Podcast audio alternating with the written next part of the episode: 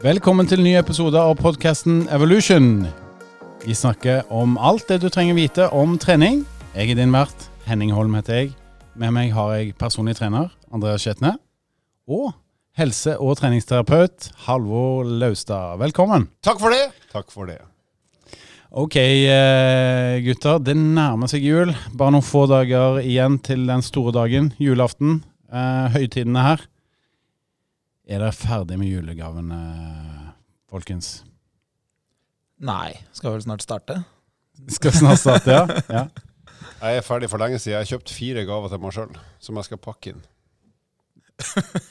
Ok, det er godt å høre at jeg ikke er den eneste som er sent ute. Ehm, Jeg har jo da et, eh, et slags rituale hvor jeg da på lille julaften drar på Manglerudsenteret og handler alle gavene. Unntaket er de gavene som skal sendes eh, til andre steder i landet. De er da ferdig med. Så jeg koser meg på lille julaften, for da er det lite folk. De fleste er ferdig, og så får jeg gå litt i fred da, og surre litt. Så hva er planen din, eh, unge, unge herr Skjetne?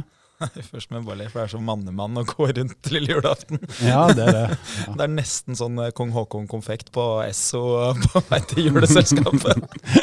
Stemmer det. Stemmer. Ja. Nei, eh, nei, du kjenner jo meg. Jeg, liker jo struktur, så jeg må jo først eh, sette meg ned og lage en liste, da, sånn at jeg har litt oversikt. ja. Men nå har jeg faktisk to ganger vært på senter allerede denne uka her da, og ikke kjøpt noen verdens ting. Så. Nei, vi får se. Jeg må ha en bedre plan. Høres bra ut. Ok. Vi skal diskutere et spennende tema i dag. Dagens tema er intervaller. Um, og jeg vet jo at veldig mange får jo nesten sånn, grøsninger eh, når vi snakker om intervaller. Men det er jo så mye man faktisk kan gjøre eh, når man trener intervall, og det passer egentlig til veldig mange uansett eh, form. Så eh, målet vårt med dagens episode det er å belyse litt eh, på dette med alle de mulighetene som finnes når man skal trene intervall. Men eh, la oss starte først med intensitet, for det er jo et sentralt spørsmål når det kommer til intervaller. Eh, vil du dra oss i gang på eh, hva intensitet er, og hvordan man kan tilpasse den, Andreas? Ja, intensitet er jo, er jo et mål på hvor tøft du trener. Uh, og intensitet er jo, er jo brukt da uh, i forskjellige typer trening, men mest av alt utholdenhetstrening. da. Uh, og du kan måle det f.eks. gjennom å måle puls, du kan måle fart, du kan måle subjektiv opplevelse, altså hva du føler. Eh, og det det handler om, er jo å kunne kategorisere treninga, sånn at du eh, kan få det utbyttet du ønsker. da. Så man får forskjellig utbytte av å ha høy intensitet eller lav intensitet. Halvor, du trener jo på ulike intensiteter i løpet av en uke når du da trener Jeg trener kondisjon. enten hardt eller knallhardt. Ok, Vil du utdype litt på det? Nei da. Eh, eller jo da. Eh, selvfølgelig skal det. Jeg er jo eh, litt avhengig av hva jeg har lyst til å oppnå med økta, som Andreas sa. Så, så er det jo um, intensiteten som styrer det, og også varigheten på økta. Så jeg som begynner å bli godt voksen, jeg prøver å ha i hvert fall to økter i uka der jeg trener hardt. For jeg trenger eh, stimulans for å få hjertepumpa mi til å hamre og slå masse blod ut eh, til musklene mine. Og, og de harde øktene er også da med ganske høyt tempo, iallfall i forhold til mitt nivå. Sånn at da får jeg trent både brukbar fart og hjertepumpa samtidig. Og det, jo eldre man blir, jo dårligere blir jo farta. Så det er liksom viktig for meg. Så har jeg en god dose med litt eh, lavere intensitet og litt lengre treningsøkter. For at jeg har jo lyst til å klare å holde på med de aktivitetene jeg ønsker å trene på i ganske lang tid. Altså x antall timer siden jeg løper og, og går på ski og sykler, som tar litt tid. Makspuls eh, er jo et sentralt begrep når det kommer til dette med intensitetsstyring. Og, hvorfor er det sånn at jeg bør vite hva makspulsen min er, Andreas? I utgangspunktet så, så må man ikke vite makspulsen sin, men de siste åra har det blitt veldig populært å bruke pulsklokke. Eh, og pulsklokkene de, de styres ene og alene av, eh, av makspuls. Da. For det, det er jo en gang sånn at um, makspulsen den er medfødt, så den er ikke trenbar. Så hvis eh, vi tre steller oss på mølla samtidig og setter på lik fart, så vil vi trolig ha veldig forskjellig puls. Eh, og hvor høy pulsen vår kan bli på det aller, aller tøffeste, det, det får vi ikke trent. Det vi kan trene, det er hvor lenge vi klarer å ligge veldig høyt i puls. Eh, og det som skjer da hvis du, hvis du trener, det er jo at hjertet ditt blir litt større. Sånn at du kan slå litt færre slag og få like mye blod. Eh, sånn at makspulsen, den, eh, den er jo da ikke trenbar, men det er den som setter standarden for pulsklokka. Så hvis du setter eh, pulsklokka di på 200 slag, men har en makspuls som er si eh, 220, da, så vil det se ut som at du har trent beintøft, selv om du egentlig ikke har gjort det. Og hvis du har gjort det helt motsatt, hvis du har satt makspulsen din altfor lavt i forhold til hva du reelt har, si at du setter makspulsen på klokka på 140, da, så har du egentlig 200, så vil jo pulsklokka lyse blodrødt, selv om du egentlig har kanskje bare gått en tur i skogen rolig. Så Derfor er, eh, er det å vite makspulsen ganske avgjørende. Men det er ikke avgjørende for at du skal få god treningseffekt. Men det er avgjørende for at eh, du skal kunne bruke det som står på pulsklokka som eh, fornuftig informasjon. Så makspulsen er ikke viktig i seg selv, eh, men den er et viktig verktøy som man kan bruke, med andre ord, for å styre intensiteten på det nivået man ønsker. Jeg må jo si at når jeg eh, trener forskjellige kunder da, som har meg som personlig trener, så er det ofte sånn at um, det er litt misforståelser ute og går i forhold til dette med makspuls. Eh, For det finnes jo en del formler da, som er litt sånn generaliserende, f.eks. 220 minus alder osv. Kan, du, kan du fortelle litt om det, Halvor?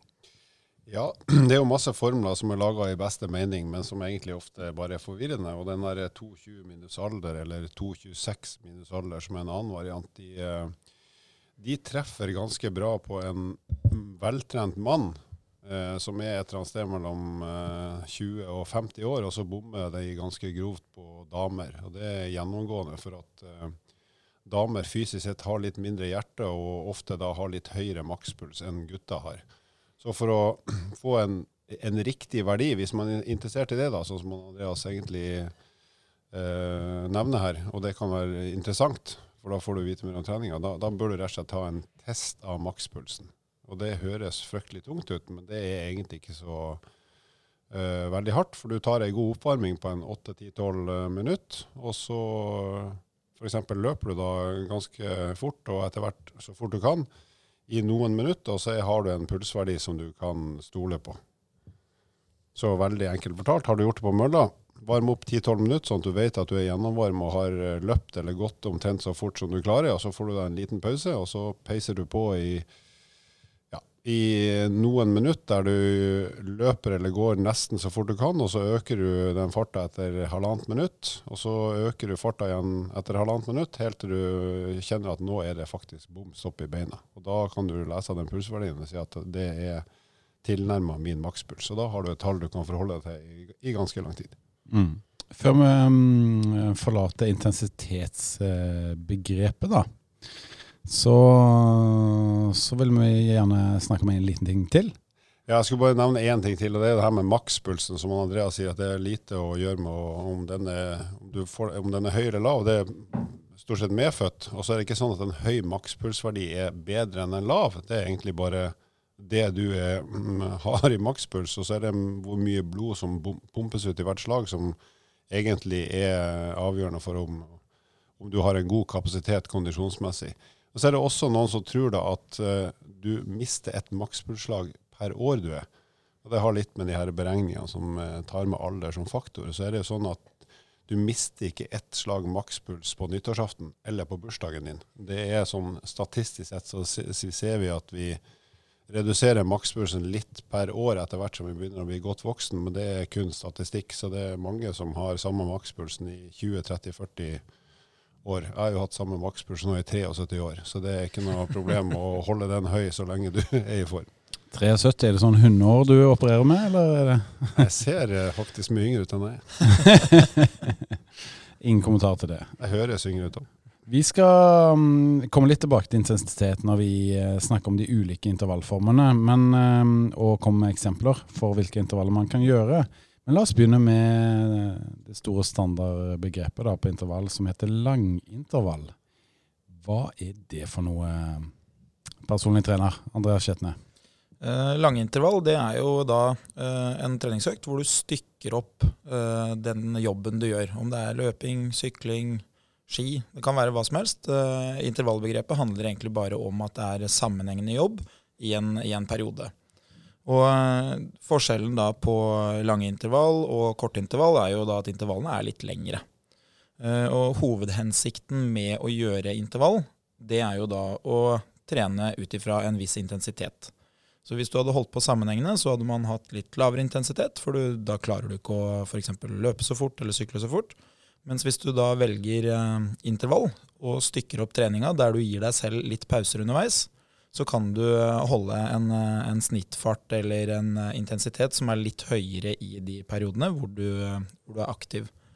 Og hele tanken bak, bak intervalltreninga er at du skal kunne få jobben til å jobbe, altså kroppen til å jobbe litt tøffere. Og da Hvis vi bruker puls, da, så vil du i intervallen mens du holder på, ha høyere puls enn det du hadde hatt hvis du måtte holdt på sammenhengende. Så Hvis du ser for deg at du er på, på tredemølla da, og du skal løpe, og du deler opp eh, 20 minutter løping i eh, f.eks. fire deler, da. fem minutter, to minutter pause, fem minutter, så vil du kunne ha litt høyere fart å løpe på i de fem minutterne enn om du måtte løpt 20 minutter sammenhengende. Og det som skjer da, det er at mens du løper, så har du litt høyere puls, du bruker litt mer oksygen. Og fordelen ved å gjøre det på den måten er at eh, hjertemuskelen din blir eh, trent litt bedre. Og en litt bedre trent hjertemuskel vil jo da gi kanskje litt eh, større hjerte, som igjen vil pumpe litt mer blod ut i kroppen neste gang du trener. Og Det mange ikke tenker på, det er jo at ok, vi tenker intervall off, det blir tungt og fælt og vondt og vanskelig, men en sånn 20 minutter, da, hvis du heller tenker at ok, jeg får jo pause hvert femte minutt, så er det kanskje en litt hyggeligere måte å gjennomføre 20 minutter løping eller hva det skulle være for noe, istedenfor å kjøre 20 minutter sammenhengende. Og så får du i tillegg da eh, en enda større effekt både på hjerte og forbrenning og muskulatur. Ja, for betegnelsen på det som, um, som du her var inne på sist, Andreas, i forhold til å pumpe ut mer blod per slag som hjertet slår, det er jo da slagvolum. Så veldig mange har kanskje hørt det uttrykket. Mulig at mange ikke vet helt hva det betyr, men det er altså eh, hvor mye eh, blod som hjertet, klarer å slå ut av per slag. Men det er jo da relevant til hvilepuls, uh, faktisk. Ja, så når du trener og, og får et sterkere og kanskje litt større hjerte, så er jo det sunt for deg. For det som skjer da i hvile, er jo at du kan tilføre kroppen mer blod med færre slag. Og Derfor så faller uh, det som kalles for hvilepuls, da, den pulsen du har når du ikke gjør noen verdens ting. Hvis du ligger i sofaen eller i senga. Og Det er jo en fordel for kroppen å kunne jobbe med litt, uh, litt lavere intensitet. Da. Så For å bruke en metafor da, så kan man si at uh, kroppen blir rett og slett litt mer kostnadseffektiv i driften av seg sjøl. Og så er jo Hvilepulsen er jo et veldig enkelt og hyggelig mål på formforbedring. Så hvis du merker at hvilepulsen blir systematisk lavere, så kan du være ganske trygg på at kondisen din har blitt bedre. Rett og slett for at hjertet har blitt større. Hva er hvilepulsen deres da, gutter? Uh, min nå er vel 34 eller 35. 34 eller 35. Og det er jo ekstremt lavt, da. Um, jeg har jo 36, eh, 37 eller 38. Varierer jo litt òg, vet du, fra, fra, dag til dag. For det kan jo være en indikator på både dagsform, om du har inntatt alkohol, Eh, om du er syk osv., så, videre, så kan jo hvilepulsen da variere. Og den varierer jo gjerne fra dag til dag òg. Men hvis du da har en median på det, at du faktisk eh, drar det da utover noen dager, så kan du jo få et fint eh, snitt, og dermed finne hvilepulsen din ganske greit. Mm.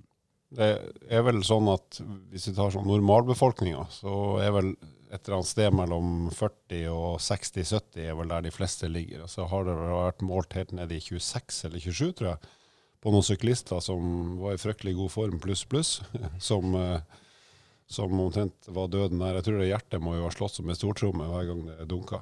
Men eh, du kan tenke deg sjøl 26 slag per minutt. Da er det et svært hjerte som hamrer ut ganske mye blod. Mm. Ja, men eh, når jeg skal da si fra at jeg skal sette i gang med intervalltrening, hva skal jeg starte med?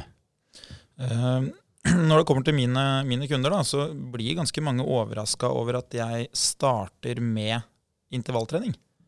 Fordi uh, man ville jo trodd at det er for, uh, for, de som har trent en del, og det er tøft. Men intervallbegrepet det handler jo bare om at du stykker opp treninga. Så det som jeg vanligvis gjør, er å starte med intervalltrening, men med en hastighet som egentlig tilsvarer det du kunne gjort sammenhengende. Sånn at du da får lov å få pauser underveis, som vi var inne på i stad. Det gjør jo at du uh, kanskje føler at treninga blir litt lettere.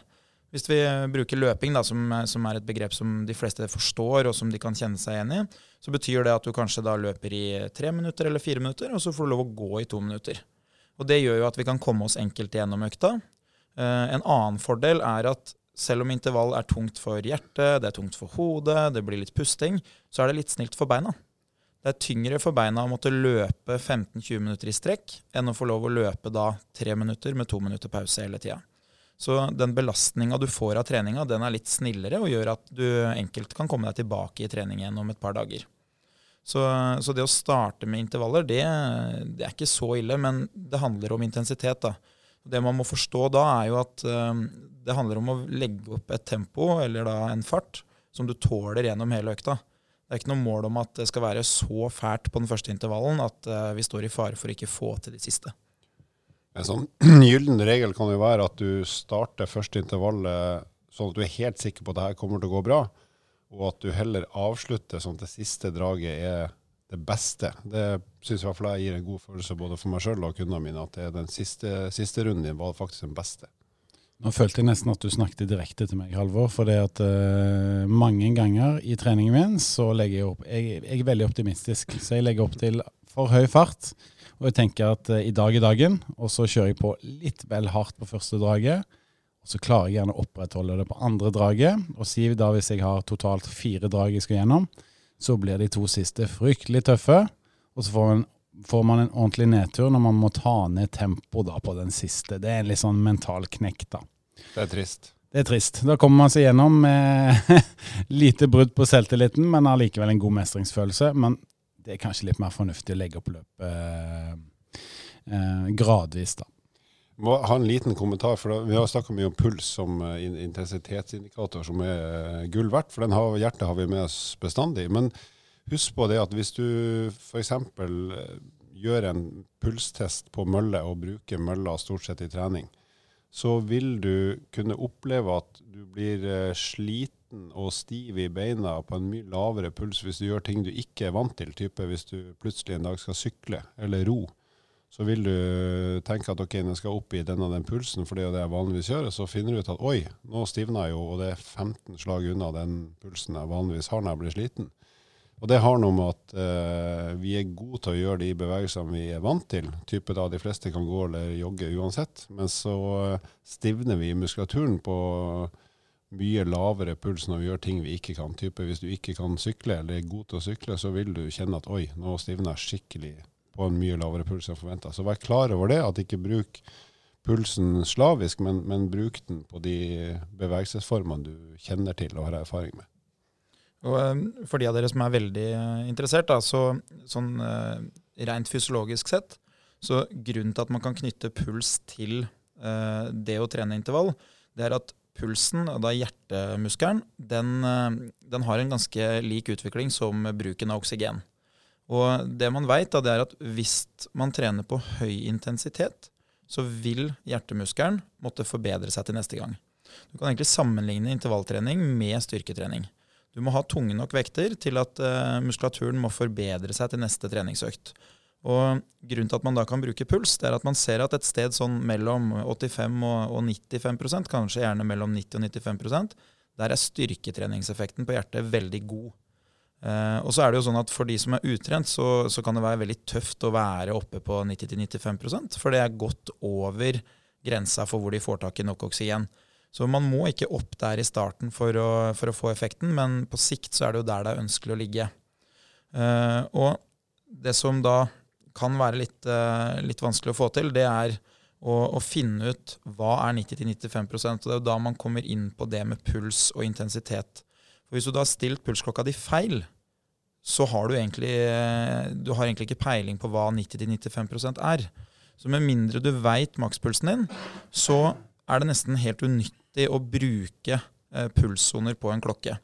Og Det som da er eh, vanlig å gjøre, det er jo da enten å ta en makspulstest, eller så kan du gjøre en ting som er eh, litt enklere. Du kan da bruke subjektiv følelse, altså hva du føler er tøft.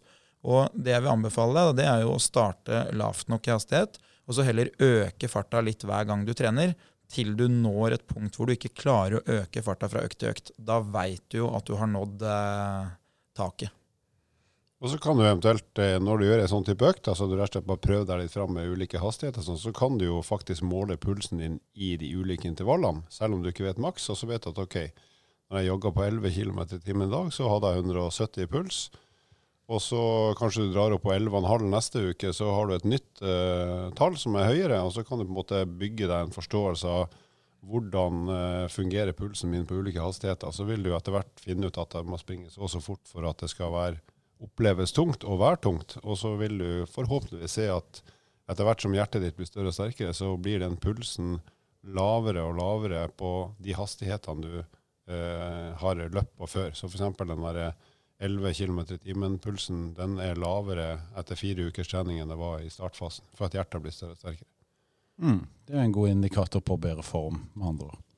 Men dere, vi har jo lovt eh, både oss selv og lytterne at eh, vi eh, skal ikke nørde for mye. Det betyr at sånn som oss, som er veldig glad i å snakke om disse tingene, vi kan dra den lenger og lenger, lenger og dypere og dypere.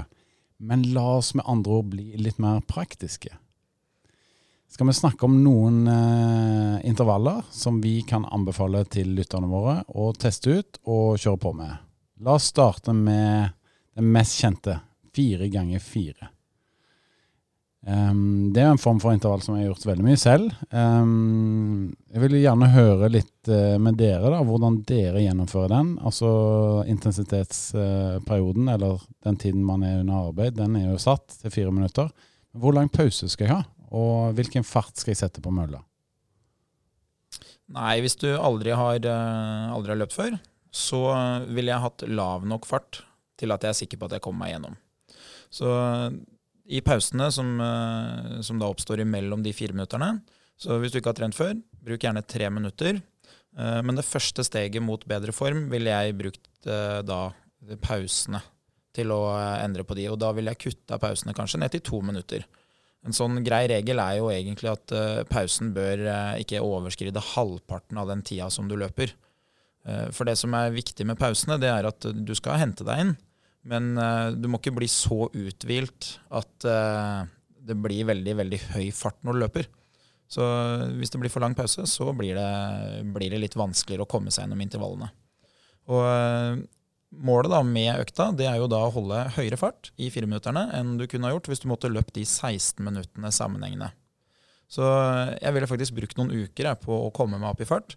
Så jeg ville starta så rolig første gangen at jeg nesten kunne ha løpt de 16 minutterne i strekk. Og så ville jeg kanskje økt med en halv kilometer i timen fra gang til gang. Og øh, hvis du aldri har vært på mølla før, så en sånn gyllen regel er at 7,5 km i timen, da må de fleste begynne å løpe. Du skal være ganske god på frekvens og, eh, og steglengde for å kunne gå på 7,5.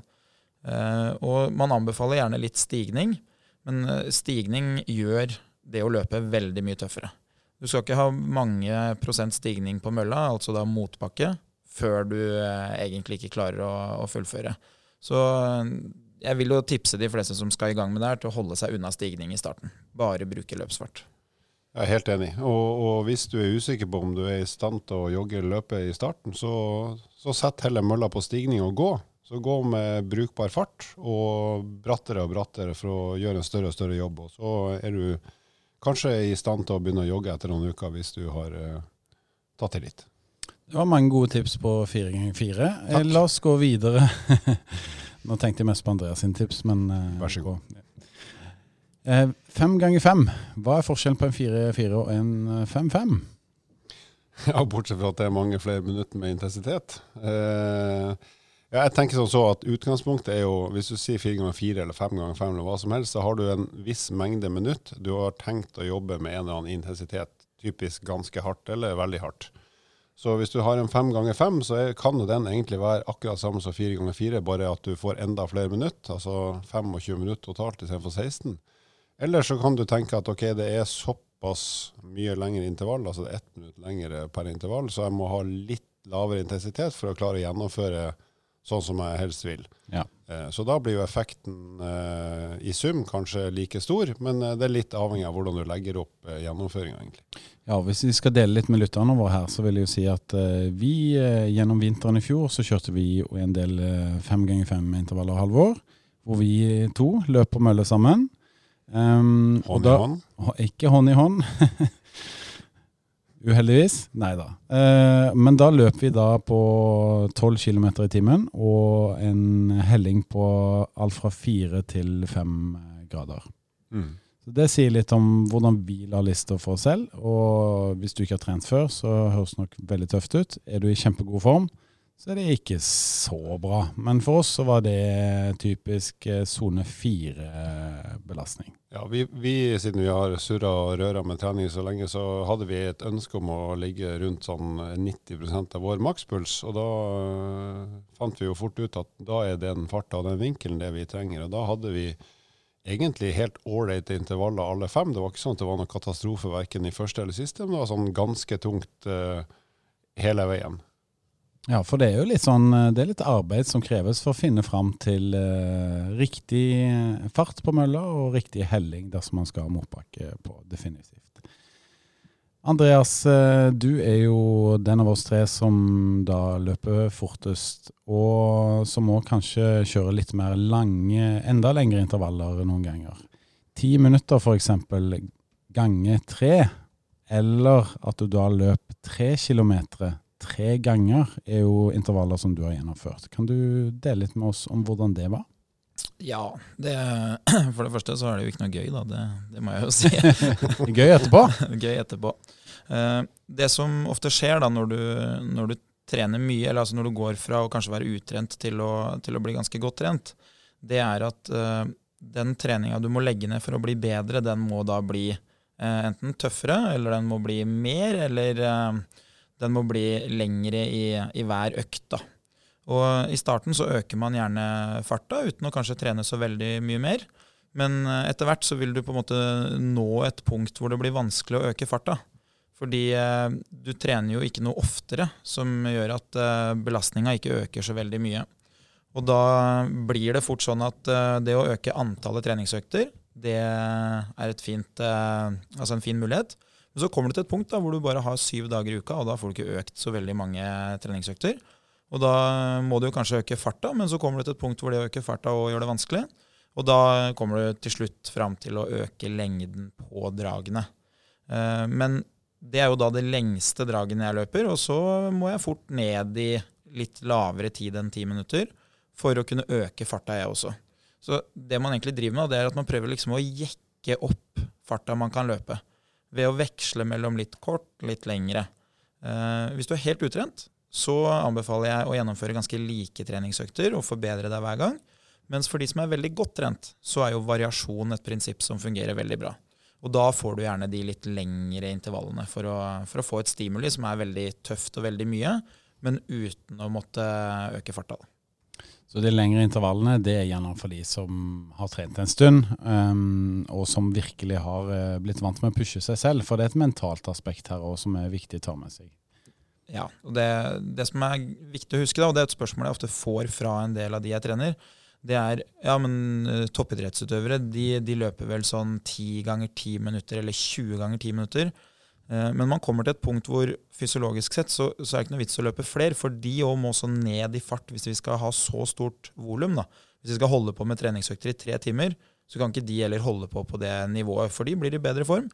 Så eh, for å kunne da trene hyppigere, så må de trene oftere. Så de har jo intervall flere ganger i uka, men ikke lengre intervall. Så de lengste intervallene er gjerne sånn fem-seks ganger ti minutter. Det blir aldri noe særlig mer enn det. Halvor, hva med seks ganger to eller åtte ganger to, f.eks.? Ja, det er veldig gode forslag, syns jeg, i forhold til å komme i gang med intervalltrening som har stor effekt på hjertet. Vi har jo snakka om fire ganger fire, fem ganger fem, og han Skjetne som er i ufattelig god form. Han holder på lenger enn det òg. Men slapp av, folkens. Ikke få karasjokk av det. Vi kan gjøre det enklere og lettere. Så bryt ned en fire minutter til en to minutter, og kanskje ta seks eller åtte ganger to istedenfor eh, fire ganger fire, så er det jo kortere innsatsperiode og kjappere pauser. ikke sant? Men i sum så får du likevel 16 minutter eh, med høy intensitet, men du fordeler det på åtte perioder istedenfor eh, fire.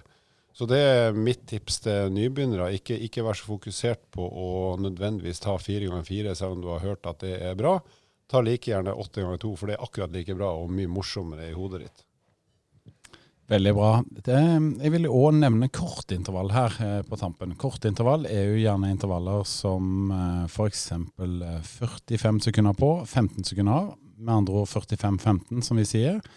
Eller en Tabata-intervall, som er 20 sekunder på, 10 sekunder av. Um, det er jo ganske kort eh, tid, og da stiller jo det gjerne krav til at man må øke farten. Så det blir kanskje et høyere tempo og hyppigere pauser. Mine erfaringer med kunder som ikke har trent så mye kondisjon før, er at dette kan være en veldig fin introduksjon til å begynne å løpe eller sykle eller ja, drive på med ellipsemaskin osv. Det vi ofte gjør da, er at vi tar en ti minutters oppvarming. Og så kjører vi gjerne fem ganger 45-15. Med andre ord fem drag av 45 sekunder. Eh, kunder sier at vi løper, så hopper han eller hun av mølla. At de hopper ut på sidene, står, eh, står på mølla, lar båndet gå. Og så hopper man på igjen og får farten på beina ganske eh, kjapt. da. At vi gjør det fem ganger, og at vi deretter går videre og trener styrketrening på resten av økta. Så Det kan være en mild og fin introduksjon til å begynne å løpe eller andre kondisjonsformer um, med ganske lav mengde. da. Så en fire ganger fire er jo gjerne 16 minutters arbeidstid. En fem ganger fem er 25 minutter arbeidstid, eh, mens en 2010 eh, eller 45-15 er jo ganske mye kortere. Det du, det du, nevner her, er jo veldig fine økter. Det er jo eh, fint med variasjon. Det jeg vil anbefale de fleste, da, hvis de, hvis de lurer på hva de skal velge, så må stille seg spørsmålet hvorfor. Altså, hva, hva er det jeg ønsker å oppnå med den treninga jeg gjør? Eh, hvis målet ditt er å bruke kalorier, så står du egentlig fritt til å holde på sammenhengende. Du kan drive med eh, intervalltrening, du kan drive med kortintervall. Eh, og som du nevner, da, kortintervall varer litt kortere, men det er jo da veldig mye tøffere. Eh, Langintervall varer litt eh, lengre, og sammenhengene kan jo vare veldig, veldig lenge. Eh, men det som også da er aspekter her som kan være greit å ta med seg, er jo da at eh, litt lengre intervaller trener kanskje hjertemuskelen i litt større grad enn kortintervaller. På sikt så vil man jo da kunne holde et høyere tempo. Fordelen med kortintervall er jo at du får øvd deg på å løpe på litt høyere hastighet. Så hvis du da går ned i, eh, i type sånn 2010 f.eks., da, da får du jo lov å virkelig ha høy fart på, på båndet. Og det kan jo hjelpe deg til å kunne da holde høyere fart når du skal ha lengre intervaller. Jeg vil jo si at uh, og en intervall vi ikke har nevnt da, når det kommer til kortintervall, er jo 30-30. Eh, som jeg vil kalle for en typisk eh, fotballvariant. da, Hvor man faktisk setter opp et ordentlig høyt tempo i 30 sekunder, tar pause 30 sekunder, og så på'n igjen. Og gjerne gjennomfører en del ganger. da. Så for de av dere som eh, spiller fotball, enten på studentnivå eller på bedriftsnivå, da, så kan det være nyttig å dra inn på EVO eh, og kjøre litt korte intervaller Gjerne trene litt kjernemuskulatur, eh, og så er man bedre stilt da, til å møte opp på fotballbanen f.eks. Jeg skal bare dra litt tilbake til det Andreas sa. altså Hva er det du vil med treninga? Og Hvis vi tenker at de fleste vil i hvert fall sikre at hjertet blir litt bedre, så du har sjanse til å leve litt lenger enn du kanskje er på vei til, så har forskning vist at hvis du er i så dårlig form at du omtrent kommer til å dø anytime, så er fire minutter nok altså fire minutter med høy intensitet, nok til at du forbedrer hjertekapasiteten. Altså fire minutter i uka. Nå er det veldig lite mengde, og da snakker vi om en form som er katastrofalt dårlig. Så hvis du på en måte skal tenke at nå skal jeg ha ei økt der jeg er helt sikker på at jeg får høy forbrenning, får gjort noe med hjertet sånn at det blir større og sterkere, og helsa mi og formen blir bedre, så eh, ville jeg sagt minst ti minutter, og gjerne helt opp mot et kvarter totalt sett. Så hvis jeg sier ti minutter, det kan være fem ganger to, eller to ganger fem, eller eh, tre pluss tre pluss fire, f.eks. Altså, du kan trikse og mikse omtrent som du vil, men da tenk deg hvor mange minutter har jeg lyst til å investere i høy intensitet, og hvordan skal jeg bake de sammen til ei økt som gjør at jeg får gjennomført det med den kvaliteten jeg vil, uten at det blir en, og at det blir en god treningsopplevelse. Så En sånn grei huskeregel da, det er eh, du bør lande et eller annet sted mellom 12 eh, og 30 minutter. Så hvis du oppsummerer eh, antall minutter du er i aktivitet, ikke fra du starter klokka til du stopper den, men når du er på båndet, og så, som vi snakka om i stad, pausene bør kanskje ikke overskride 50% av det du løper. Så hvis du er på båndet i fire minutter, så er to minutter pause nok. Skal du da over tolv, så må du ha tre runder. Mens hvis du velger da en veldig kort intervall, si at du løper i 20 sekunder, da, da er 10 sekunder pause det du får, for det er 50% Og skal du da opp i 12 minutter, da er det bare å begynne å regne, men da skjønner man jo at du må jo løpe da tre runder for å få ett minutt. Og da, da, må det løpes en god stund. Så det er ikke sikkert at kortintervall egentlig er det triveligste for å få en, en sterkere hjertemuskel. Jeg vil jo si at mange av de tipsene her gjelder er veldig gode tips for eh, de som ønsker å komme i gang med eh, kondisjonstreningen sin. Og jeg sitter jo her med et lite øye bort uh, til vår digitale producer, da. Vår eminente mann Peter Subek. Han, han er kanskje fire minutter er nok for han da, som du sa, Halvor? Ja, Etter å ha sett han ro opptil flere ganger, så vil jeg tenkt at bare han klarer to minutter, så er det nok til å bli bedre. Men er jo, han er på et nivå som er katastrofalt. Selv om man ser bra ut, så er resten Altså det som er på innsida av huden, er råttent. Ja, ikke sant. For det, nå tøyser vi litt med det, men, men uh, han uh, representerer jo en gruppe som trener veldig mye styrke. Uh, og som ser veldig bra ut, men som gjerne ikke trener like mye kondisjon.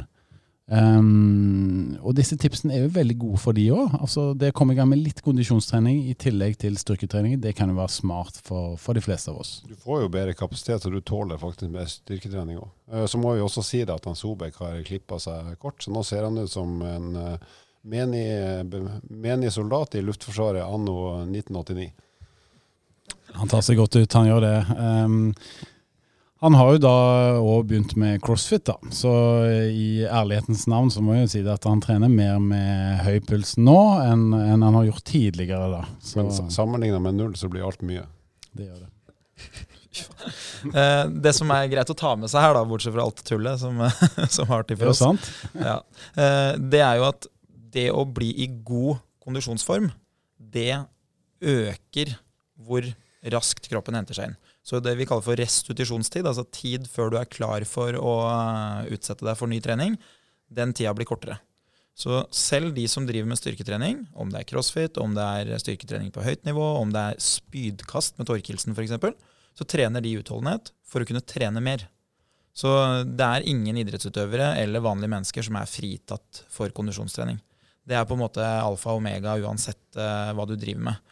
Og du vil være da bedre rusta i hvile. Du vil være bedre rusta til å hente deg inn når det er eh, tøft. Bare for å gi et eksempel på det du sier der. Vi hadde jo Lars Mæland innom her som gjest på podkasten vår. Eh, og han har jo da vært fysisk trener eh, for landslaget i alpint. Og han kunne jo si det til oss da mellom opptakene her, at eh, disse gutta her, de fremste alpinistene våre, de trener jo ganske mye kondisjon, faktisk. Så det, det, er bare et eksempel på det du sier der, Andreas. Men før vi begynner å avslutte her, eh, så vil jeg gjerne vite fra dere to, Andreas og Halvor, hva er deres eh, favorittintervall for øyeblikket? La oss starte med Age before beauty. Halvor Østad. Det blir jo meg uansett hvordan du blir venner på der. Selv om jeg er stygg, så er jeg finere enn dere. Jo, nei, akkurat nå så er jeg jo inn, på vei inn i skisesongen. Ja, det er jo på tide. Så nå holder jeg på på stakemaskinen. Så min favorittøkt nå, den er helt uh, Unnskyld uttrykket, jævlig. Så jeg har først 10 ganger 500 meter intervall med ett minutt pause mellom hver. Og så tar jeg meg en uh, sånn femminutters pause, og så dunker jeg på med 10 ganger 250 meter med, med 40 sekunder pause på hver. Så uh, det er kontrollert nesten hele veien, men på de 250 meterne så tar jeg i sånn at det blir ordentlig trist på slutten. Ja. Det blir trist. Det blir, det, det blir Jeg har vært med et par ganger, og det er ikke noe gøy.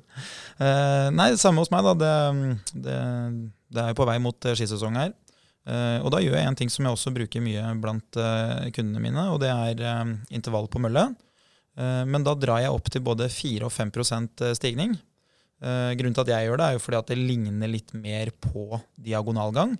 Hvis du øker stigninga, så må du nødvendigvis holde farta nede. Så eh, til sammenligning med de intervallene jeg har løpt ute, der vi snakka om at det var helt flatt for å kunne sammenligne, så ønsker jeg her eh, ordentlig motbakke for å få, eh, for å få litt mer knekk i knæra og i hofta. sånn at det ligner litt mer på, på skigang. Men det er jo noe jeg anbefaler PT-kundene mine å gjøre. fordi hvis du ikke har løpt så mye før, så vil det være sånn at i takt med at du blir i bedre form, og at vi må skru opp hastigheten, så får du en utfordring med å løpe. Du, du har jo veldig lite erfaring med å løpe fort, og da blir plutselig motorikk eh, et, en utfordring da, som du må, du må, jobbe med. Og Hvis vi da drar opp stigninga isteden, så vil du ha mulighet til å få høy puls uten at det stresser deg. Men vi må jo få høre fra selveste pastor Henning Holm også. Hva, hva, gjør du om dagen, Henning? Du skal jo snart debutere som skisaker. Eh, så de som eh, bor i Oslo, bør bare komme seg til Skulderudstua i romjula og se på 92 kilo digg rogalending som kommer til å kave rundt med noen staver og ski. Få høre, Henning. Hva gjør du? Ja, jeg har jo da trent eh, Siden sensommeren så har jo jeg kjørt eh, stakeintervaller. Det har jeg. Eh, så jeg har til og med skaffa meg stakemaskin som jeg har i garasjen. Og så trener jeg på EVO på Bryn. Det er de to stedene jeg staker, da.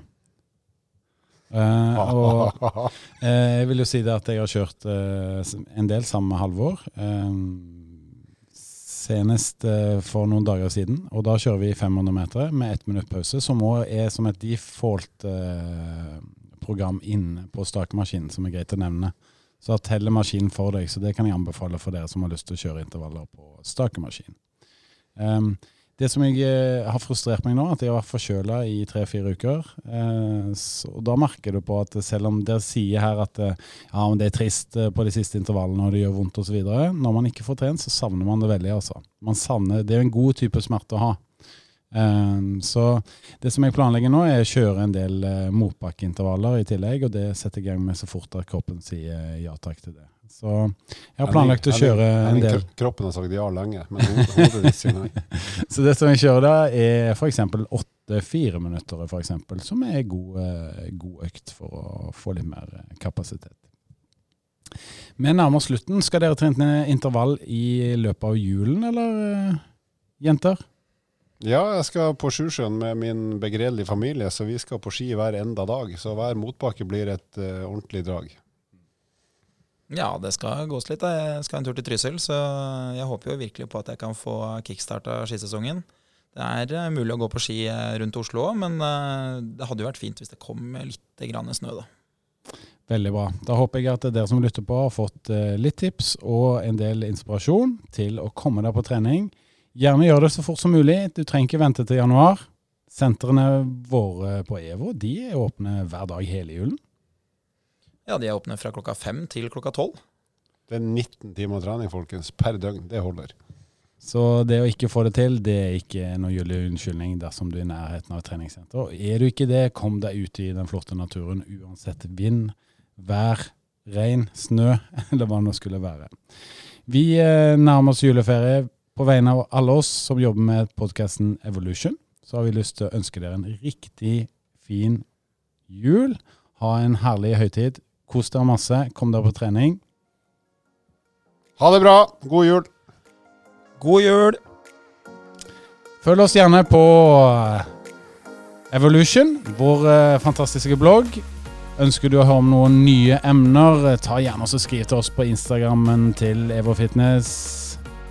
Da sier vi takk for oss. Sayonara. Tjobing.